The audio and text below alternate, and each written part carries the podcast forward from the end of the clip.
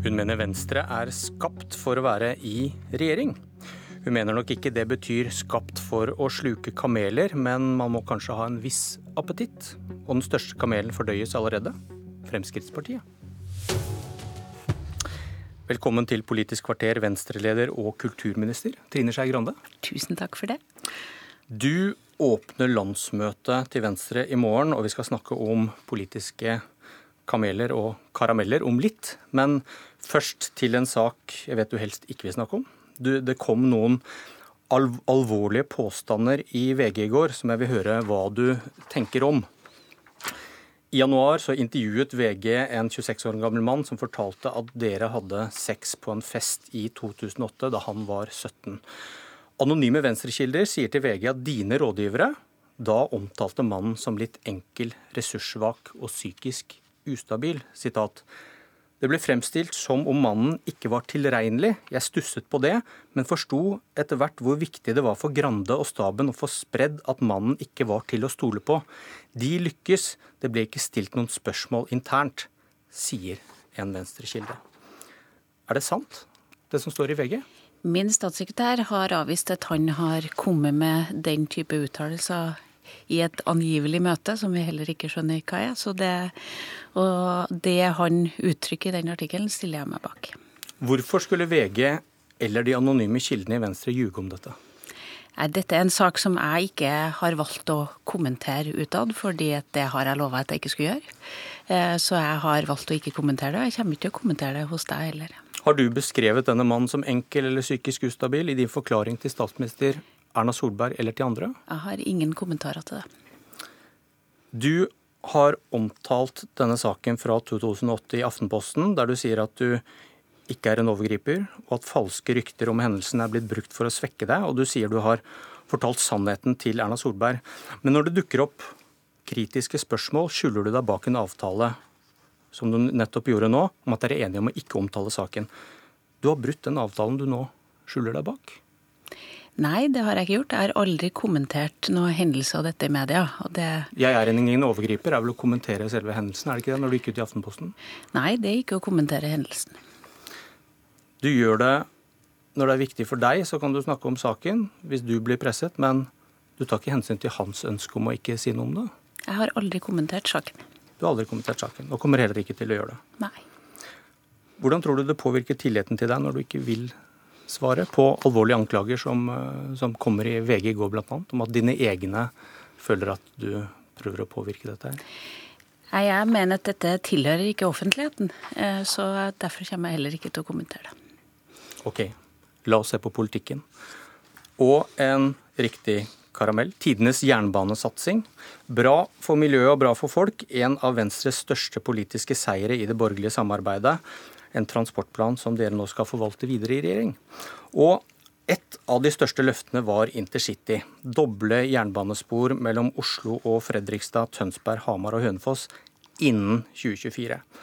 Og det var et politisk valg i fjor. Dere, dere kunne skyve på dette årstallet og gjøre det billigere eller dyrere, avhengig av hvor raskt man bygde disse dobbeltsporene?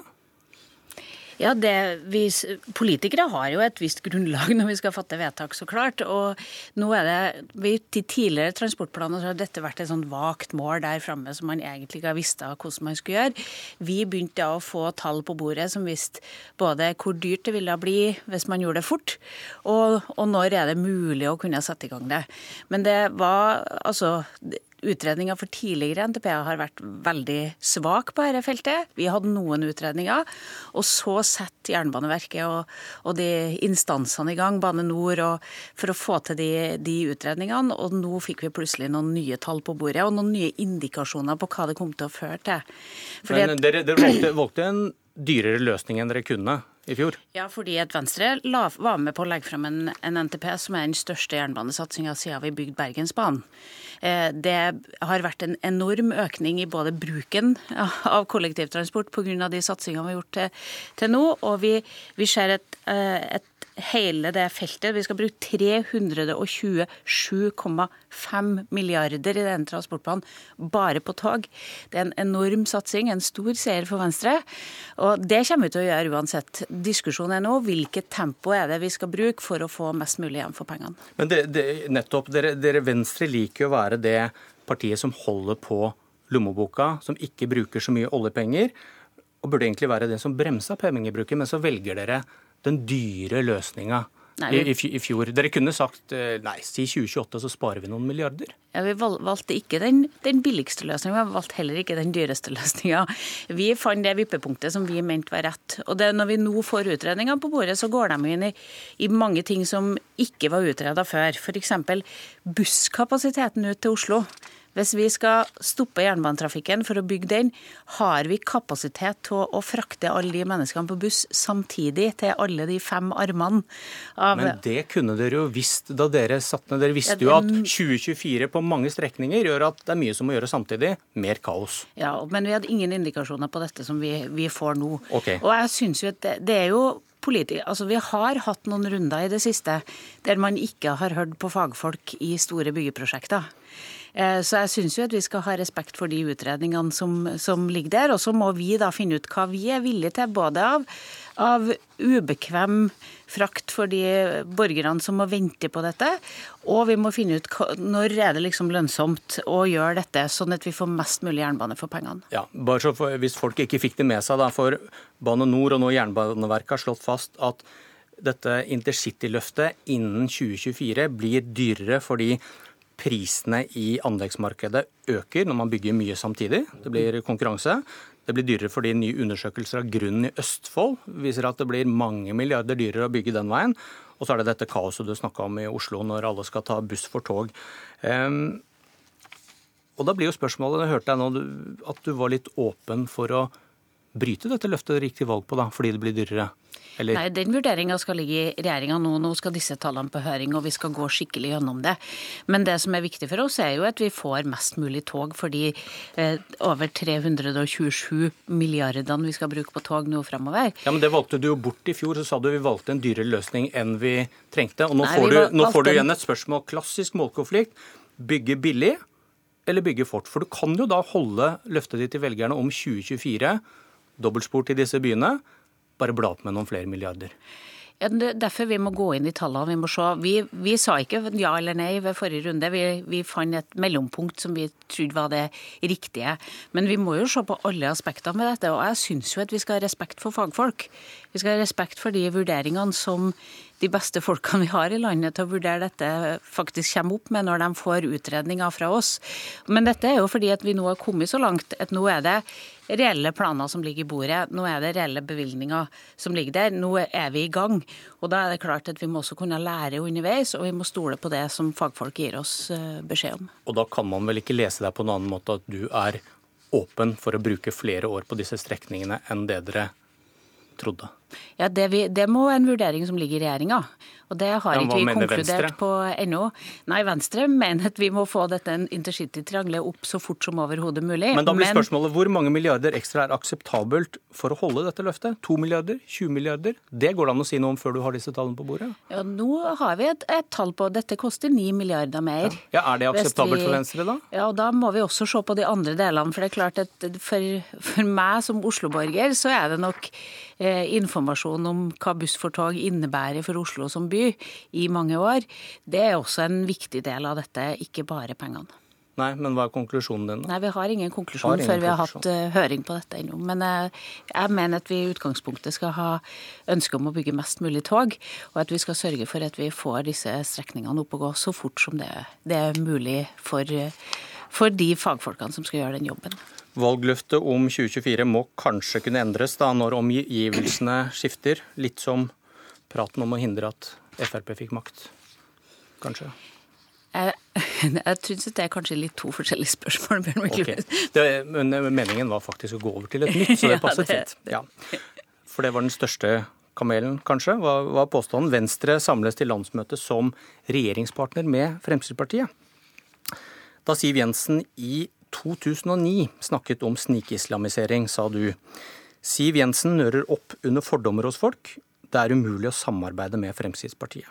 da skulle man kanskje tro at du ventet med å gå i regjering med Frp til de ikke lenger mente dette med snikislamisering. Denne uken ble Siv Jensen intervjuet av BBC. Why did you refer just a few years back to the quote sneaking Islamization of European society? Because it's true. How can that be Islamization had... when 4%, 1 in 25 of your people are actually Muslim? It's actually something that is of great concern to many of us around the world. Because it's true.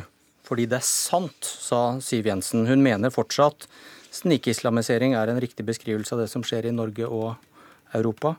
Frp har da ikke endret holdning til dette. Hvem er det som har forandret seg da? Dette er ikke regjeringa sin politikk. Det som står i Jeløya-erklæringa er en helt annen tone når det gjelder innvandring og integrering, en helt annen tone når det gjelder religiøsitet og, og bredde. Og jeg har gått inn i regjeringa basert på Jeløya-erklæringa. Hva syns du om begrepet snikislamisering? Nei, det er ikke et ord som jeg verken som trosminister i denne regjeringa syns er en god begrep å bruke, og det er ikke grunnlag for å og si at det er grunnlag for det i Jeløya-erklæringa. Sprer det fordommer, som du sa i 2009? Jeg, jeg syns at det å knytte religion til retorikk på den måten, det hadde, hadde ikke jeg gjort. Og jeg syns at som eh, trosminister I går snakka jeg til Kirkemøtet om, om, akkurat de tingene her. Om troens tilstedeværelse og, og, respekt for tro og respekt for ulike livssyn. Eh, vi skal legge fram en felles eh, lov nå som eh, gjør at både kirka og de andre trossamfunnene blir regulert i en samla lov. Og, og, respekten for trossamfunn skal vi også ha inn i de eh, behandlingene i Stortinget. Ok, Trine Skei Grande 2009. Siv Jensen nører opp under fordommer hos folk. Det er umulig å samarbeide med Fremskrittspartiet. Trine Skei Grande i 2018. Siv Jensen rører opp under fordommer hos folk. Men vi kan gjerne sitte i regjering med dem. Vi... Hvem er det som har forandret seg? Ja, Vi har en Jeløya-erklæring som jeg tror de fleste venstrefolk er veldig, eh, veldig stolt over, og som denne regjeringa baserer politikken sin på. Er det underordnet hva en statsråd mener om innvandring eller klimaendringer? Den politiske plattformen trumfer dette? Venstre vi kommer til å være Venstre, og Frp kommer også til å være Frp. Men det som jeg har gått inn i regjeringa på bakgrunn av Men svar, svar, på, svar på spørsmålet. Er det, er det sånn at den politiske plattformen trumfer det eh, den enkelte statsråd mener dypest der nede? Det som har skjedd de siste årene For fem år siden så satte vi oss ned og så laga vi en Nydalen samarbeidsavtale. Jeg tror ikke det da hadde vært mulig å, å gått i regjering sammen. Etter det har vi jobba veldig hardt med ulike tema gjennom stortingsarbeidet. Husker, du, husker du spørsmålet? Lage, ja, og vi har klart å lage brede enheter, som er det vippepunktet mellom, mellom, uh, mellom partiene. Men er det, det, er det uh, betyr det ikke noe hva en statsråd mener? Er det den politiske plattformen som trumfer det personlige overbevisningen? Jeg mener at Fremskrittspartiet har en del standpunkt som ikke jeg deler. Men jeg sitter i en regjering som bygger på en regjeringsplattform. Jeg sitter i en regjering der jeg faktisk er statsråd for tros- og livssyn. Eh, og der eh, vi vet hva det er som ligger i bunnen for det. Og da må både Venstre får lov til å være Venstre, og så skal Frp få lov til å være Frp. Men det er helt klart at vi har jobba sammen over mange år. Klart både å komme nærmere i politisk utøvelse. Dette er, ikke, også... så, dette er ikke så lenge siden. De er begge klimafornektere, og de har begge en retorikk når det gjelder innvandring som er problematisk, sa du om Listhaug og Amundsen da de ble statsråder. Men nå er ikke det så farlig lenger.